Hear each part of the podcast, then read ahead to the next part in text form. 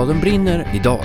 Vi har varit i Oslo och försökt förstå oss på barnboksvärlden i vårt grannland. Veldig en sånn demokratisk tankegang at alle skulle ha tilgang på gode bøker, og de skulle spres utover landet for å ivareta det lille språkområdet som Norge, eller norsk, er. da. Og så har vi truffet en av Norges fremste billedbokstjerner. Jeg syns det er morsomt at folk sier at jeg har en egen fargepalett, for jeg føler ofte at jeg bruker alle farger i, en, i en, løpet av en bok. Det här blir en Norge-special. Välkomna till Bladen brinner.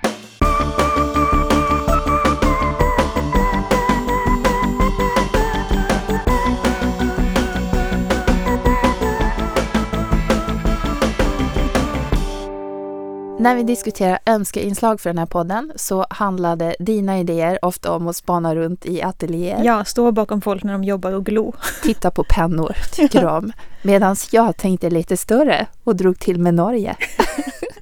och nu har vi kombinerat det här på bästa sätt för att vi åkte ut till Oslo.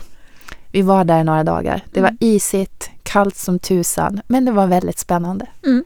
Så om ni har längtat efter att få höra mer om Norge som barnboksland, då är ni in for a treat nu. För att nu ska vi få veta hur systemet bakom böckerna funkar i Norge, vad barn och unga läser där och hur det är att till exempel vara bilderbokskapare.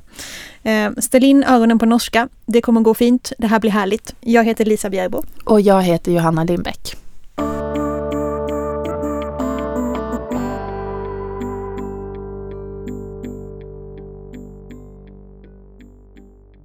Man tänker att Norge och Sverige är ganska lika som länder och i väldigt mycket stämmer ju det. Men när det gäller böcker och kulturstöd och allting kring det, då finns det faktiskt en hel del skillnader.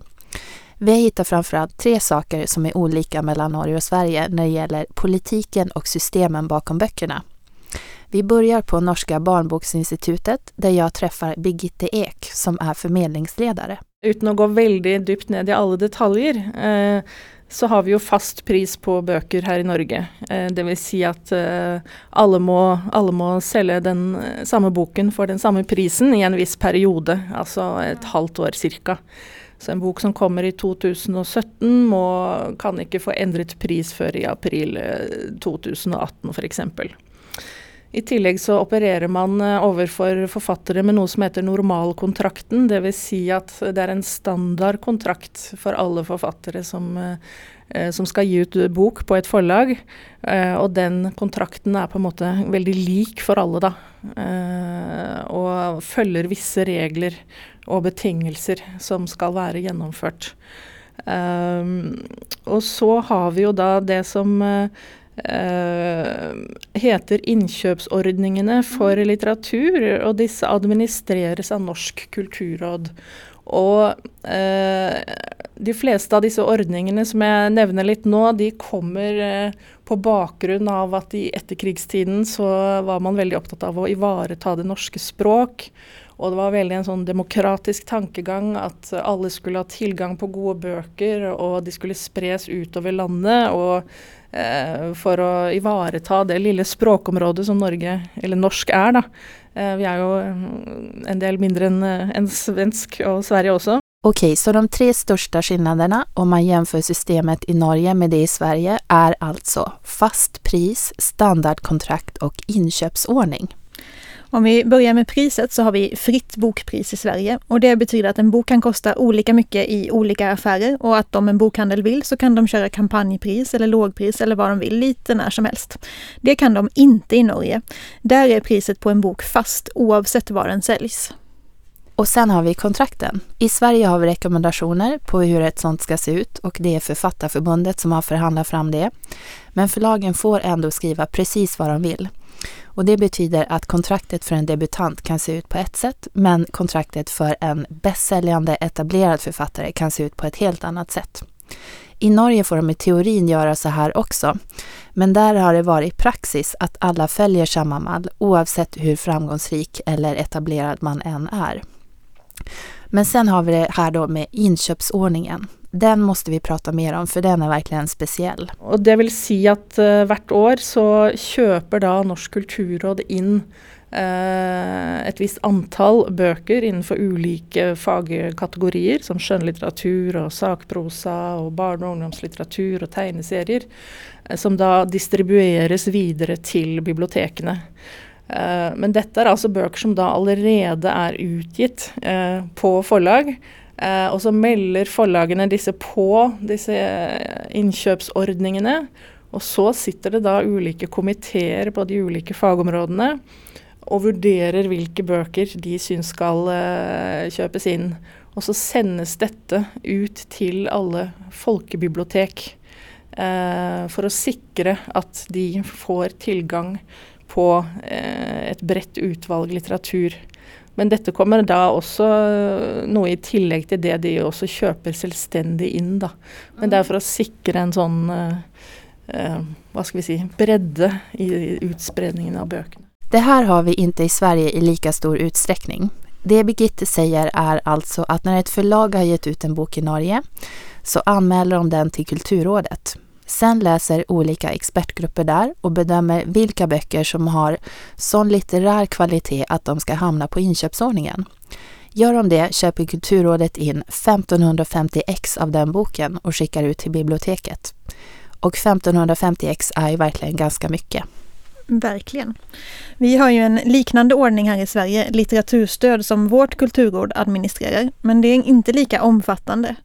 Om en titel blir utvald till litteraturstödet köps 288 ex in till biblioteken här.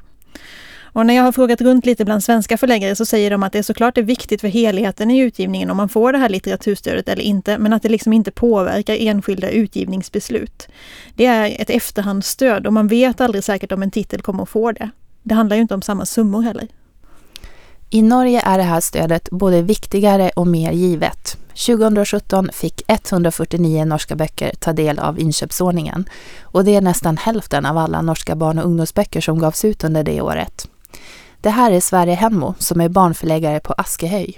Nei, dette er en eh, fantastisk ordning, selvfølgelig, som eh, stadig er under press. Eh, den får ikke alltid økte midler på den måten det burde, og de har i noen år måttet kutte på støtten. Ikke til forfatterne, men til forlagene. Like mange bøker går ut i bibliotekene. Men øh, dette skal jo vurderes ut ifra litterær kvalitet, og så er jo det et flytende begrep, for det er vi jo ikke enige om hva er.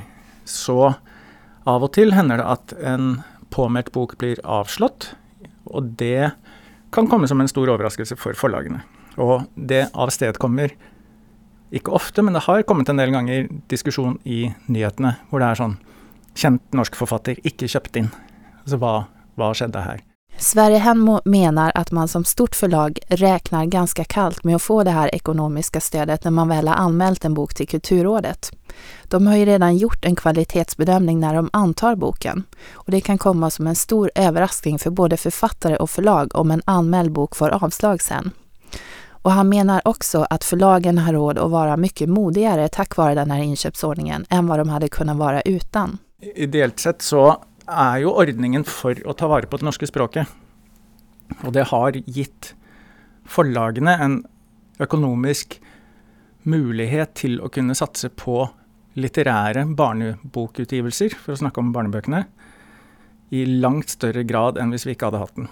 Det at du vet til en viss grad vet at man i hvert fall ikke taper mye penger på ute i denne boken, gjør at man kan tillate seg bøker som eksperimenterer mer, som utfordrer språket mer, osv.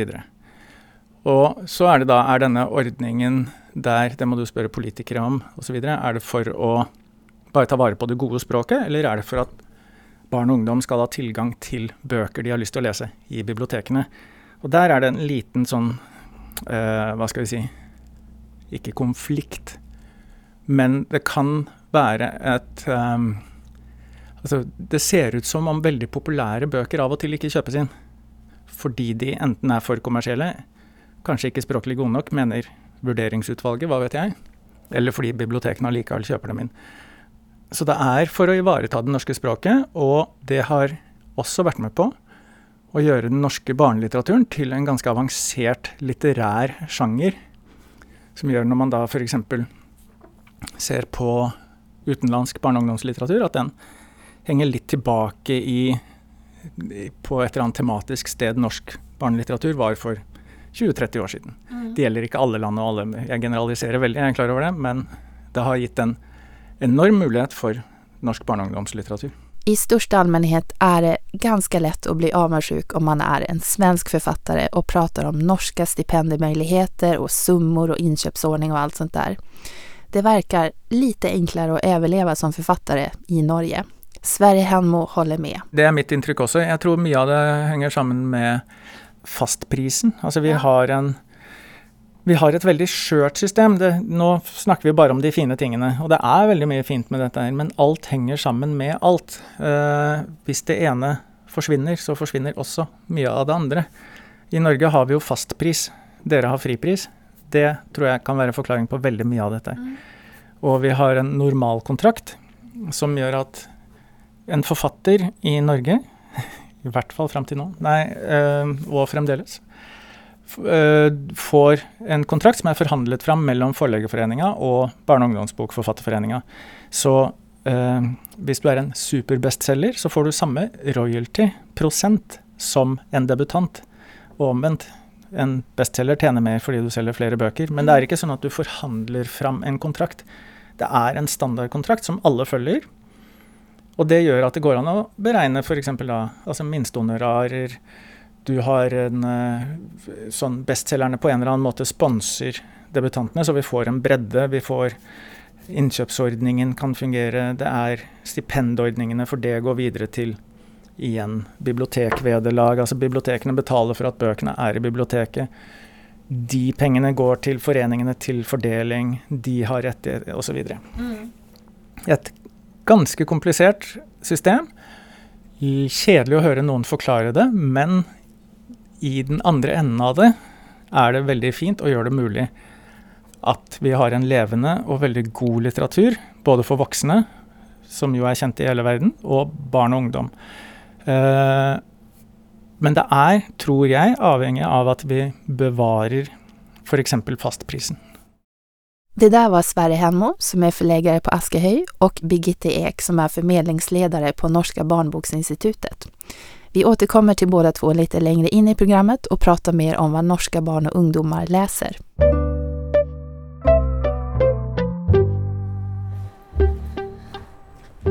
Nu ska ni få följa med mig hem till en av Norges främsta bilderboksskapare. Opp i andre etasje. Takk.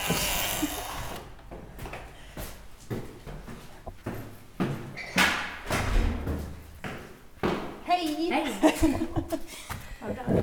Hei. Jeg heter Mari Ganstad Johnsen. Jeg jobber som eh, illustratør, forfatter og billedkunstner. Eh, og jobber mye med, med, barnebøker. I utgangspunktet startet med å illustrere andre sine bøker, men eh, skriver egen også. Hvor er vi nå for någonstans? nå er vi hjemme hos meg på, på Tøyen, som er delkontoret mitt. Och här har jag precis fått snoka runt lite på de olika ställena där Mari brukar sitta och jobba med sina böcker. Hon har visat sitt lilla arbetsrum där hon precis har fått en ny hylla där hon kan förvara sina original till exempel. Hon har visat färger och penslar. Det ligger skisser framme på någonting som Mari beskriver som fritt arbete. Det ska inte vara till något speciellt, det bara råkade bli. Mari Kanstad Jonsen brukar beskrivas som ett norskt stjärnskott när det gäller bilderböcker. Hon har inte hållit på i så väldigt många år, men hon har snabbt blivit ett namn som dyker upp i väldigt kreddiga sammanhang. Och hennes bilder sticker ut. Framförallt tänker jag på färg när jag tittar på dem. Det är liksom maffiga kulörer i helt egna kombinationer och mönster som liksom poppar i ögonen på mig. Hon verkar använda jättemånga olika tekniker och jättemånga olika färger. Veldig glad i farger. Jeg, og jeg jobber veldig ustrukturert med, med farger. Eh, altså jeg sitter, har begynt med å bruke én farge på et bilde, og så bare se på, på en farge, digital eller analog fargepalett, og så velger jeg noe. Og så blir det ofte det. Eh, og så bygger det, bygger det på seg sånn. Og så har jeg ofte lyst, i starten på et prosjekt Jeg, veldig, jeg, liker, så, jeg liker godt å se på på eh, bøker og arbeider til andre som eh, kanskje hold, som har planlagt denne boken skal bare være blå og grønn, f.eks. Og så kjører jeg det gjennom hele. Og jeg har ofte lyst til å gjøre, gjøre det, og, at, og bare én teknikk. Sånn at jeg på en måte har noe At jeg ikke må ta valg hele veien. Men jeg får det ikke til. så det blir alltid veldig masse fra Jeg føler ofte at Nei, jeg syns det er morsomt at folk sier at jeg har en egen fargepalett, for jeg føler ofte at jeg bruker alle farger i, en, i en, løpet av en bok. Har du noen hatfärg som du ikke anvender? Nei. Nei, det tror jeg ikke. Jo, i fjor en gang skulle jeg lage en, en tekning til eh, for eh, eh, For det britiske agenturet mitt i forbindelse med thanksgiving. Og da gikk jeg litt Og jeg har ikke sånn veldig forhold til thanksgiving, men da gikk jeg liksom inn og så på den. Den liker jeg ikke. Det er brunt og oransje.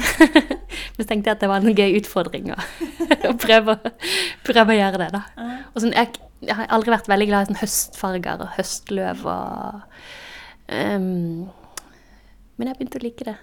Jeg tror jeg mistet alle, alle fordommer.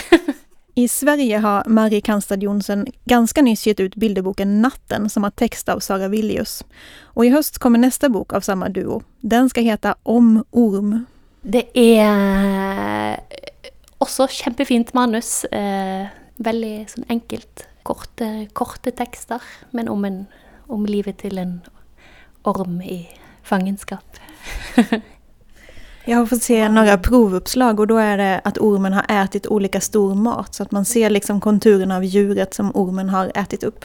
Ja, så det er litt eh, Det er litt sånn eh, lek med å, å la leseren få gjette hva som kommer på neste oppslag.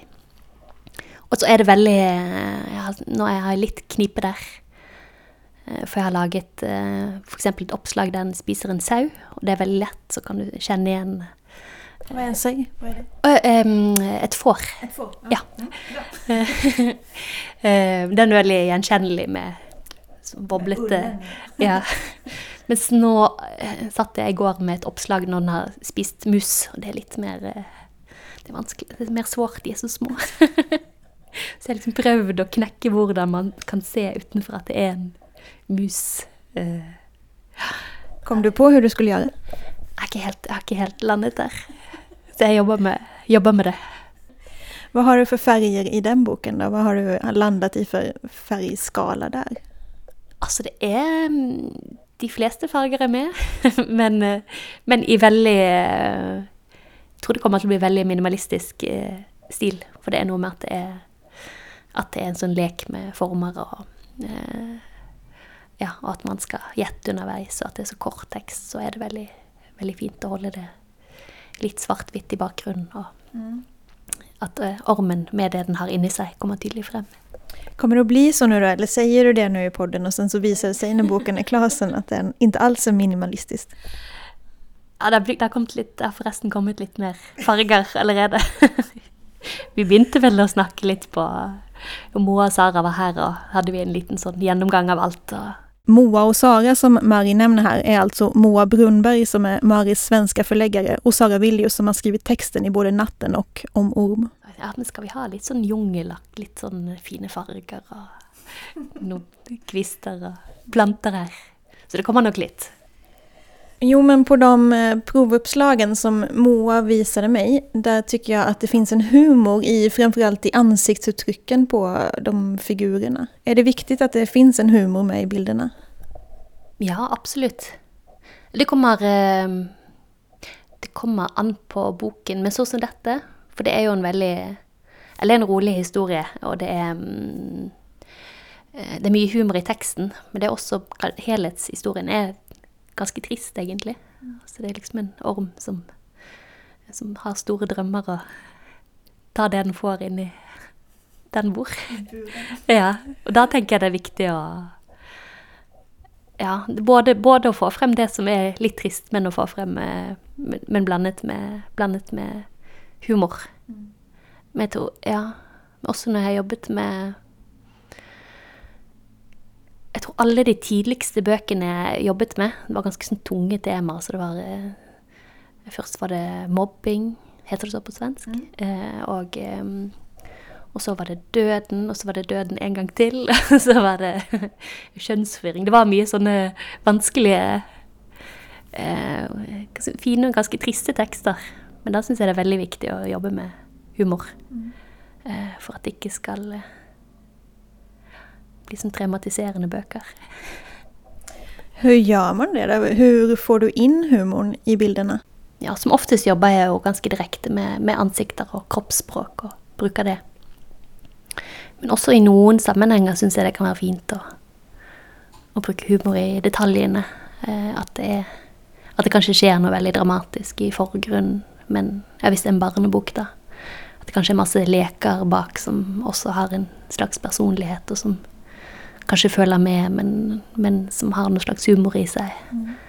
Eh, ja, jeg er nok opptatt av å, av å balansere, balansere det. Norge beskrives iblant som bildebokens paradis i Sverige. Och det har lite att göra med, tror jag, det, med det ekonomiska stödet som gör att man kanske, förlagen och författarna och illustratörerna kanske vågar vara lite modigare. Eh, för att man inte tar lika stora ekonomiska risker. Så att det, det sägs att norska bilderböcker är liksom modiga, de ligger i framkant, de vågar experimentera med färg och form och så. Eh, Känner du dig modig och experimentell när du gör dina bilder? Eh, ja Eller jeg føler meg veldig fri. Jeg tror jeg tenkte mm, Jeg hadde vel sånn allerede i studietiden tanke om at jeg hadde lyst til å jobbe med barnebøker. Men jeg tror kanskje jeg da tenkte at det var eh, at det, at det var ganske mye hemninger der. At det var mye man ikke fikk lov til å gjøre. Mens jeg egentlig opplever at jeg er mye mer fri enn hvis jeg jobber med tidninger eller magasiner og men der de har litt mer Der det handler kanskje mer om at de vil ha noe veldig spesifikt, og det skal gå fort. Men jo, jeg får veldig Jeg får gjøre veldig mye som jeg vil, da. Så kjenner eh, Ja, kjenner meg ganske fri sånn sett. Og som sagt, første bøkene jeg gjorde, tok jo for seg døden, mobbing, eh, kjønnsforvirring. Eh, ja, litt sånn Ikke nødvendigvis kommersielle temaer.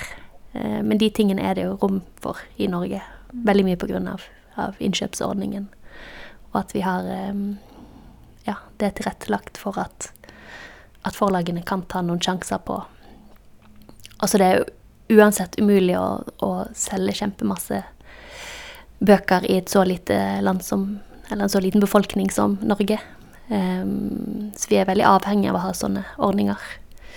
Eh, Men det har funket veldig bra i at, eh, at eh, forlagene lar eh, bildeboklagere gjøre eksperimenterende ting. I Sverige så bruker vi också ofta slå oss lite för bröstet och säga att vi också är ganska bra på de här svåra ämnena som döden till exempel som du nämner nu. Att vi vågar skriva om saker som är jobbiga. Eh, Men jag tycker nästan att ni i Norge är ännu bättre på det. Eh, Håller du med om det? Att Norge liksom, har du hört det från andra mm, länder? Att mm, verkligen att Norge är modigare än alla andra? Eh, ja, absolutt. Og, og spesielt, men ja, spesielt da Grodale og Svein De bøkene, de har liksom eh, eh, De har folk fått med seg eh, rundt omkring.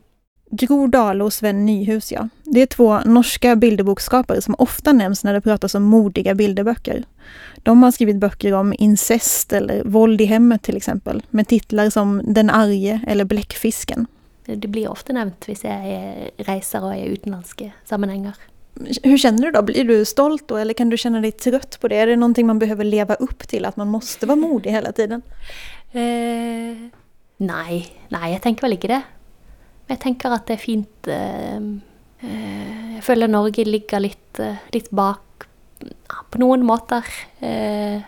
Kanskje kommet litt sent inn på design, illustrasjon og mye. At det liksom Det er fint at det blir bygget opp en slags selvtillit rundt det med, med bildebøker. Og jeg tror når det først når det først finnes en bevissthet rundt det, og og det oppstår av og til noe oppmerksomhet rundt det i utlandet, så er, så er det med å hjelpe at man på en måte holder på de støtteordningene. Forhåpentligvis. Ja, som er veldig viktige. Det der var bilderbokskaparen Mari Kanstad Jonsen som har gjort en hel rad böcker. I Sverige er det lättast å finne hennes 'Livredd på playan, eller Natten til eksempel. Og så måste ni holde utkik efter Om orm når den kommer i høst också.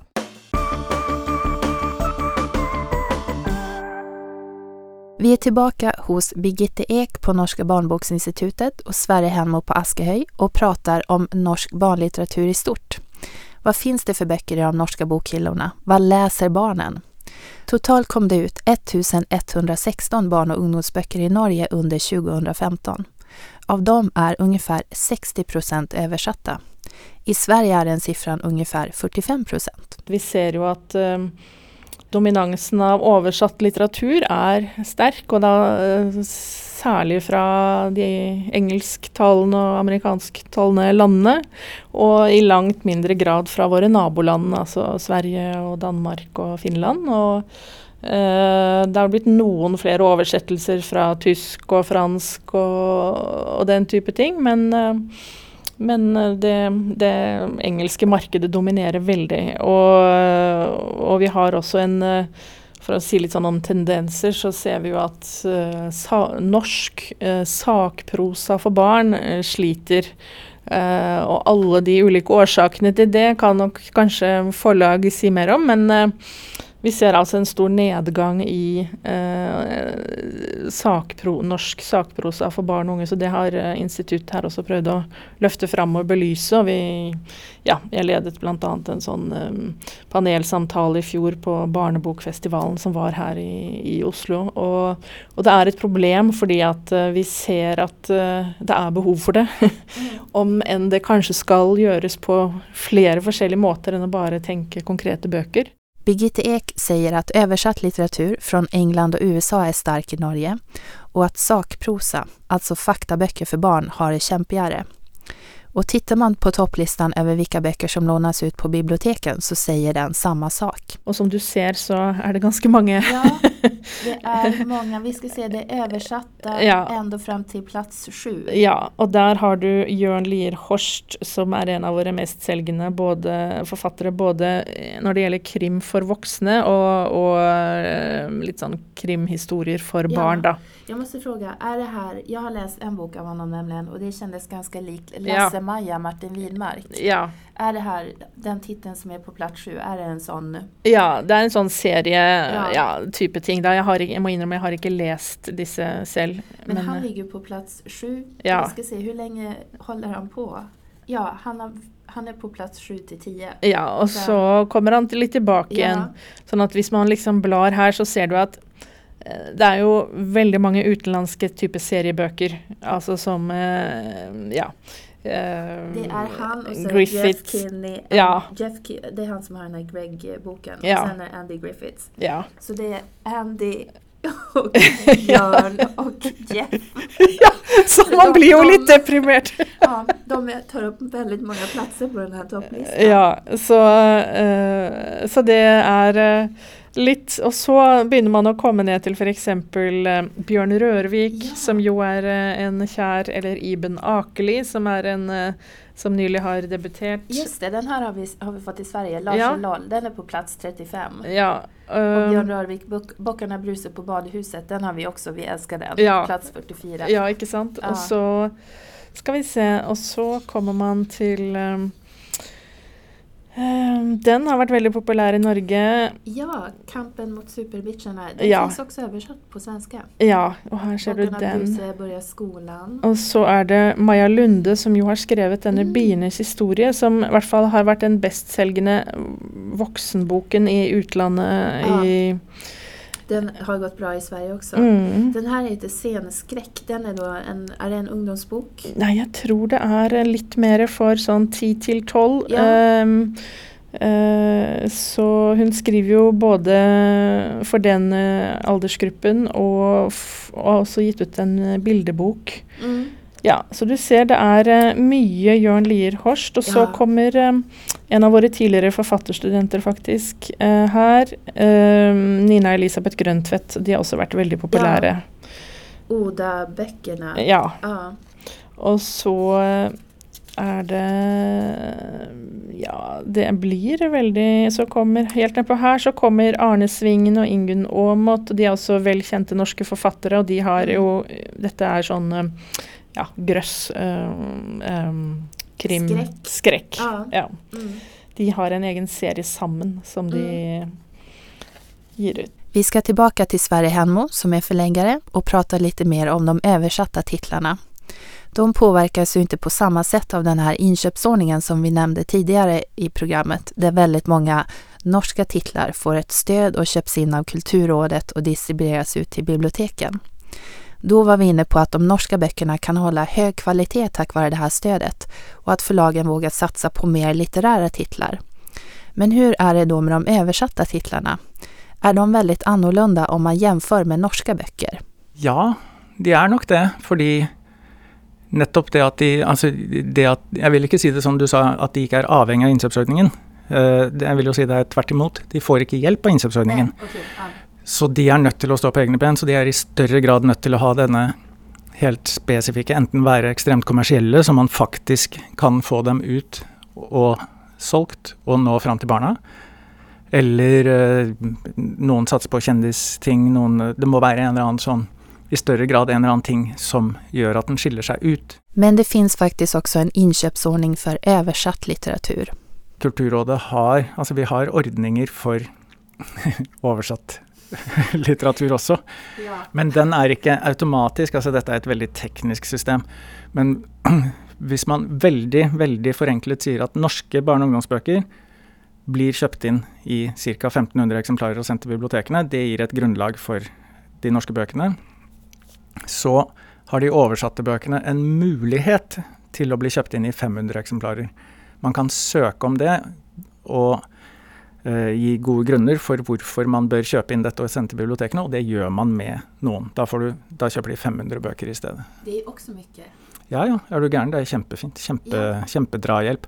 Og det er en måte for å sikre at vi ikke bare går jeg ut ifra da, ikke bare går etter den kommersielle barnelitteraturen fra utlandet, men også kan kjøpe inn det vi mener er den litterære høyverdige Altså få verdenslitteraturen på norsk. For nå vil jo alle ha Astrid Lindgren, selvfølgelig, men de første bøkene hennes Det var jo ikke sikkert man så med en gang hvilken vei det bar, osv.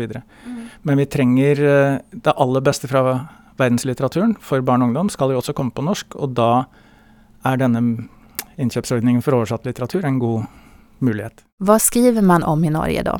Det her er Birgitte Ek igjen, og nå undrer jeg hvilke tema som har vært populære de seneste årene. Det har vært ganske sånn uh, samfunnsrelaterte temaer, altså som oppe, som diskuteres nå, f.eks. klima.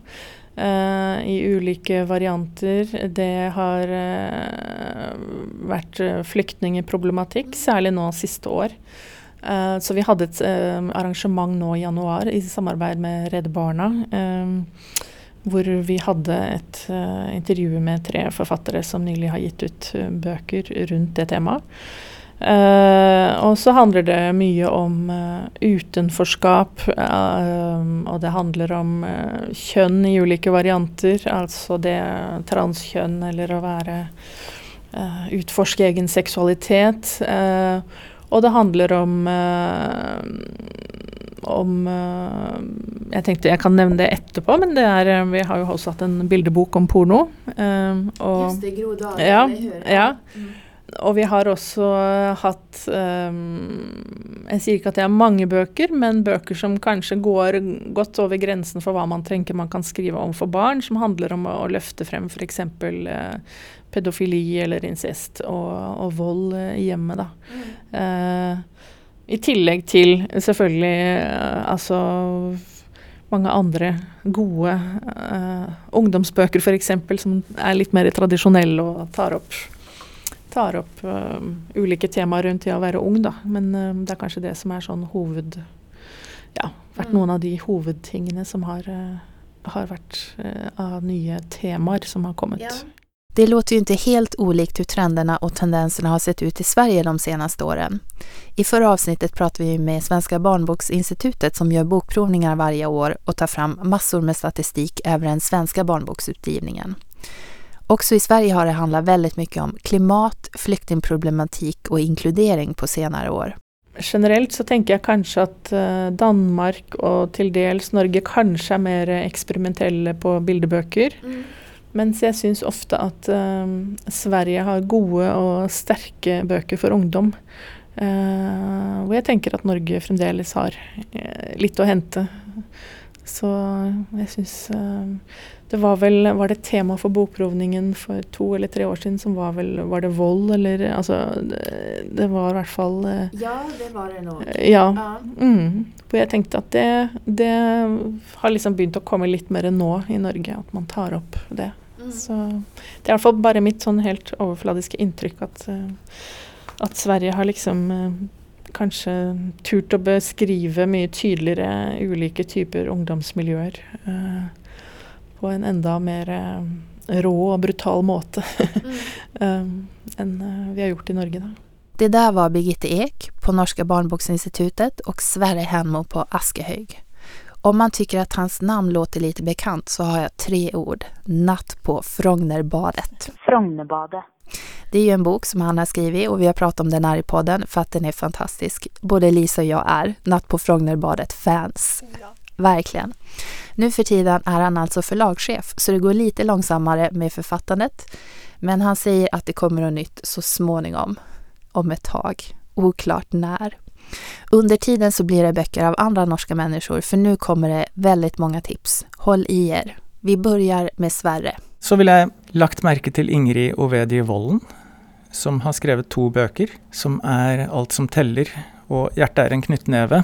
Hun skriver så ekstremt godt, og det står så mye på spill uten at det overdrives. Alt ligger og sitrer, og fortjener et stort internasjonalt publikum. Eh, Lars Joakim Grimstad har dere vel oversatt til svensk, tror jeg? Med statsminister, far og sønn. Nei, du, jeg tror ikke at den er det. Eller også er det kanskje at den er kjøpt, men at den ikke har kommet igjen. Akkurat. Ja. For det er uh, politisk satire for uh, ni år og oppover, som er i disse Donald Trump-tider. Jeg syns de er helt fantastiske, for de er veldig velskrevne, men de er veldig underholdende, de er spennende, de er et enormt overskudd av ideer, og på en ekstremt smart måte. Det er veldig få som er på det nivået der i både norsk og internasjonal barnelitteratur. Han fortjener verdensherredømme, selvfølgelig.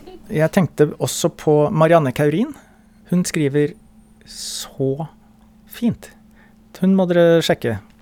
Hun skrev 'Nærmere høst', som eh, ble oversatt til eh, amerikansk ganske umiddelbart. Det er jo veldig sjelden. Men det handlet om eh, annen verdenskrig og om eh, deportasjonen av jøder. Så det var en ganske alvorlig bok. Så skrev hun en barnebok som heter eh, 'Deres Majestet', som er helt spesielt fin om en gutt, Iver, som er så forelsket i en jente. Og så er han så heldig at de får uh, Han får lov til å være sammen med henne. Han får til og med lov til å leke sånn uh, tjeneren hennes. Og han får lov til å kalle henne for Deres Majestet. Så han får lov til å bære sekken hennes, han får lov til å gjøre Og han er så heldig, og han er så forelsket. Det er en helt nydelig liten kjærlighetshistorie. Og så kommer hun med en enda finere nå i høst. Så det er bare å glede seg til henne. Og her kommer Birgitte Eks boktips. Jeg har jo tatt med noen bøker her. Ehm, jeg har lyst til å trekke frem en eh, debutant eh, som heter Magnhild Vinsnes. Som har skrevet en bok som heter 'Hysj', som nylig fikk eh, Kritikerprisen her i Norge. Og hun er også nominert til eh, Kulturdepartementets debutantpris. Eh, og det er, en, eh, det er på en måte en, en tegneserie. Og den handler om den overgangen fra barn til ungdom. Jente som, eh, som kommer på ferie til sin onkel og tante og kusine. Og alt er jo egentlig som det alltid har vært, og hun forventer det. Men så møter hun jo da eh, virkeligheten at du kommer til den sommeren hvor ting ikke er som de en gang var. Og alt dette med å lære seg de nye kodene. Hvordan er det å være ungdom? Hva er det du ikke kan si til dine foreldre? Altså, det er på en måte en velkjent historie, men i, i en veldig fin fortalt tegneserie som har fått stor oppmerksomhet. Så har jeg lyst til å trekke frem en um, ikke helt debutant, men nesten debutant, som faktisk eh, er svensk. Alice eh, Lima Di Faria. Eh, hun fikk Kulturdepartementets debutantpris eh, her i fjor. Nå har hun kommet med en bok som heter 'Fuglefesten'. Eh, og den handler om det å være utenfor. Eh, hun har også skrevet og illustrert denne bildeboken, og jeg syns det er fantastiske illustrasjoner. Det handler om Flapp, eh, Flaps, som er en flaggermus. Eh, jeg vet ikke hva det heter på svensk. Fladdermus, ja. Og så er det det at han så veldig gjerne vil være med på den store uh, fødselsdagsfesten. Og da må han gjøre visse ting for å, for å komme inn og bli godtatt og være med i den, da. Men han skjønner ikke alle disse kodene for å oppføre seg og for å komme inn og for å være en del av det litt strenge fuglemiljøet. Så det skjer en rekke ting da. og jeg har veldig sans for um, hennes tegninger, og uh, hun har en fin vri på sine historier. Så tenkte jeg skulle trekke fram en av disse bøkene som nå um, som har handlet om flukt. Uh, skrevet av Bjørn Sortland, som er en veletablert norsk forfatter. Den har en svært lang tittel uh, som heter 'Hver morgen dyppet min søster brystene i isvann for å bli pen'. og den henger kanskje ikke så riktig sammen med resten av historien, uh, men det handler altså en om en familie som skal flykte fra Syria til Tyrkia. Uh, og hvor det ikke går spesielt bra, og det er bare få av dem som uh, overlever. og den er um, skrevet veldig hva skal jeg si, veldig lettfattelig på et vis. men det er en uhyre sterk bok. Uh, og det er en av de få bøkene som har kommet som beskriver selve fluktsituasjonen. Mm. Vi har um, andre som har beskrevet f.eks. det å bo på asylmottak i Norge, av Taran Bjørnstad, som også er en uh, veldig sterk bok, som jeg ikke har, har her akkurat nå, mm. men uh, kan jeg også absolutt anbefale. Så de to bøkene um, er um, de som kanskje har løftet frem uh, det å være flyktning, uh, enten i Norge eller i, eller i, Europa, eller på vei til Europa, på en mm. veldig sterk måte. Hva vil du tipse om for norsk, Johanna? Nå kommer jeg faktisk ta en bok som er oversatt til svensk. Bra. Ja, og den heter Battle og den er skrevet av Maja Lunde, som nevntes litt her innan. Eh, og denne boken er på ett sätt ganska klyschig, men man uppskattar det i alla fall. För att det handlar om en tjej som dansar ballett. Hon går på gymnasiet och är, ja, men som tänker sig en framtid inom dansen och verkligen jobbar hårt och går en utbildning inom det också. Eh, och sen börjar på något, lite olika sätt skita sig i hennes liv.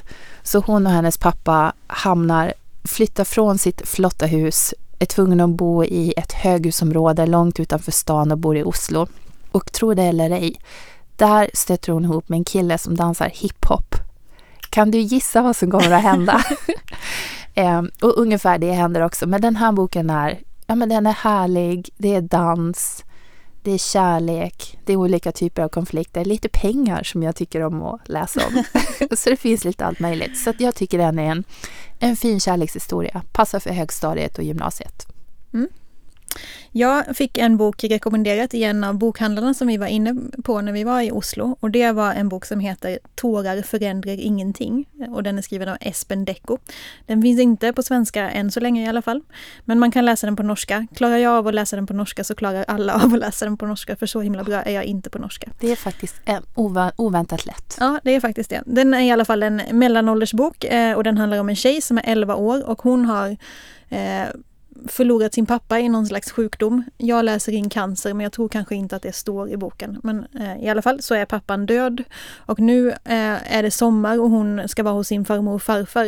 Eh, och det är liksom första sommaren efter pappan mm. dog. Så att allting känns på samma sätt som det alltid har gjort men också helt nytt.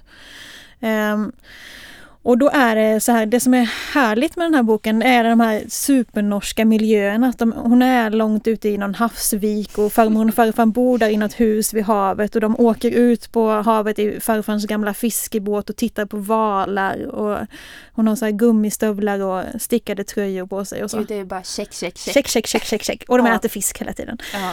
Eh, eh, och sen är det en jättefin historia. Den är ju jättesorglig eh, för hon är ju jätteledsen. Eh, men den är också väldigt fin i, i relationerna mellan henne och hennes farmor och farfar. Den är ganska spännande och den är också jättehoppfull. I sorgen. Ja, mm. det finns liksom verkligen ett ljus i den. Eh, och jag satt på tåget hem från Oslo och läste den här och grät ganska mycket. Jag vill läsa den här boken, jag Ja. får låna den. Superfin. Ja, jag vill också bara peta in en annan författare som också finns på svenska som heter Harald Rosenlöw Eg. Mm. Vi har ju läst böcker av honom båda två. Otroligt bra. Ja, otroligt bra. Och hans böcker är, de är alltid som man, ofta blir man lite konfunderad. Vad hände? Jag fattar inte helt det här. Men det är inte på ett irriterande sätt utan det är bara på ett, eh, ska vi säga, sporrande sätt. Mm. Då vill jag i så fall eh, peta in författarnamnet Maria Parr också, som är en av mina absoluta favoriter som skriver för 6 till 9-åringar kanske. Hon har skrivit Våffelhjärtat och eh, Tonje och det hemliga brevet. Och så kommer det en ny bok av henne i sommar som kommer på svenska nu, som, som ska heta, nu måste jag kolla, Min bästis målvakten. Den ser jag skitmycket fram emot att läsa. Jag har inte läst den på norska ännu men hon är ju helt fantastisk. Mm. Marie Kanstad Jonsen vill tipsa om en bok hon också och den är faktiskt svensk, nämligen Sailor Pekka av Joakim Nordström. Den føler jeg alltid Det er alltid likt Jokke Nordstrøm. Seiler og Pekka den tror jeg veldig mange illustratører liker veldig godt. Men det som er så gøy med Jeg kommer ihåg jeg kjøpte Jeg var i en eller annen bokbutikk i en liten by i Norge. Der de hadde av en eller annen grunn kjøpt inn sånn kjempelager av denne som ikke var blitt solgt. Så jeg kjøpte på tilbud til sånn 50 kroner stykk en bunke, og så ga jeg til, til barna til alle vennene mine. Og jeg syns det er så gøy å høre på tilbakemelding. For det er noen som elsker de, og noen som bare begynner å gråte når de Hvis man skal lese de bare 'Å, ikke den'. Men for, det for jeg syns det er så fint. Den har sånn alt Det er liksom det motsatte av bra storytelling. Det er eh, det er liksom Det skjer noe som er litt dramatisk, og så fikser de det med en gang. og det er sånn når jeg har reist rundt og besøkt skoler og snakket om hvordan man lager en bra historie, så er det alltid sånn, sånn er sånn Det må skje et eller annet. Hovedpersonene må ha lyst på noe, og så må det skje noe dramatisk. Og så må vi holde på dette dramaet en stund, og, liksom, så må må de gjøre noe aktivt for, eh, for at det liksom skal gå bra. Og her er det sånn helt motsatt. det er sånn flatt. Og jeg syns det er så fint.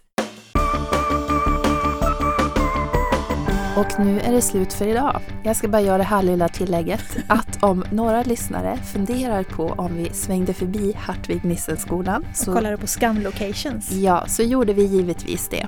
Vi stod där vid grinden, vi spanade, vi tyckte att det var litet. Mm. Men det tycker man ju alltid när man är i sådana här miljöer. Vi såg inga skådisar eller några människor överhuvudtaget. Nästan lite tur för det hade känts pinsamt. Två medelålders kvinnor står där och fotar. Men det var kul att göra det. Det var coolt. Nu lämnar vi Norge. I nästa program ska vi bland annat träffa Gunnar Ardelius som kommer med en ny ungdomsbok. Bladen brinner görs i samarbete med Dieselverkstans bibliotek. Och en lång rad bokförlag som heter Rabén och Sjögren, Bonnier Karlsen, Alfabeta, Opal, Lilla Pratförlaget, B. Wahlströms, Bergs Bokförlag, Nypon förlag och Natur och kultur. Tack ska ni ha. Och tack också Gustav Edman på Fabel som har producerat och Håkan Lidbo som har skrivit musiken.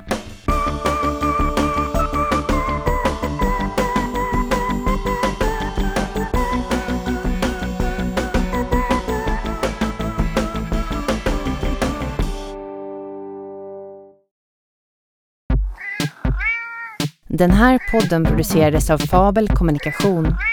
Läs mer på www.fabel.se.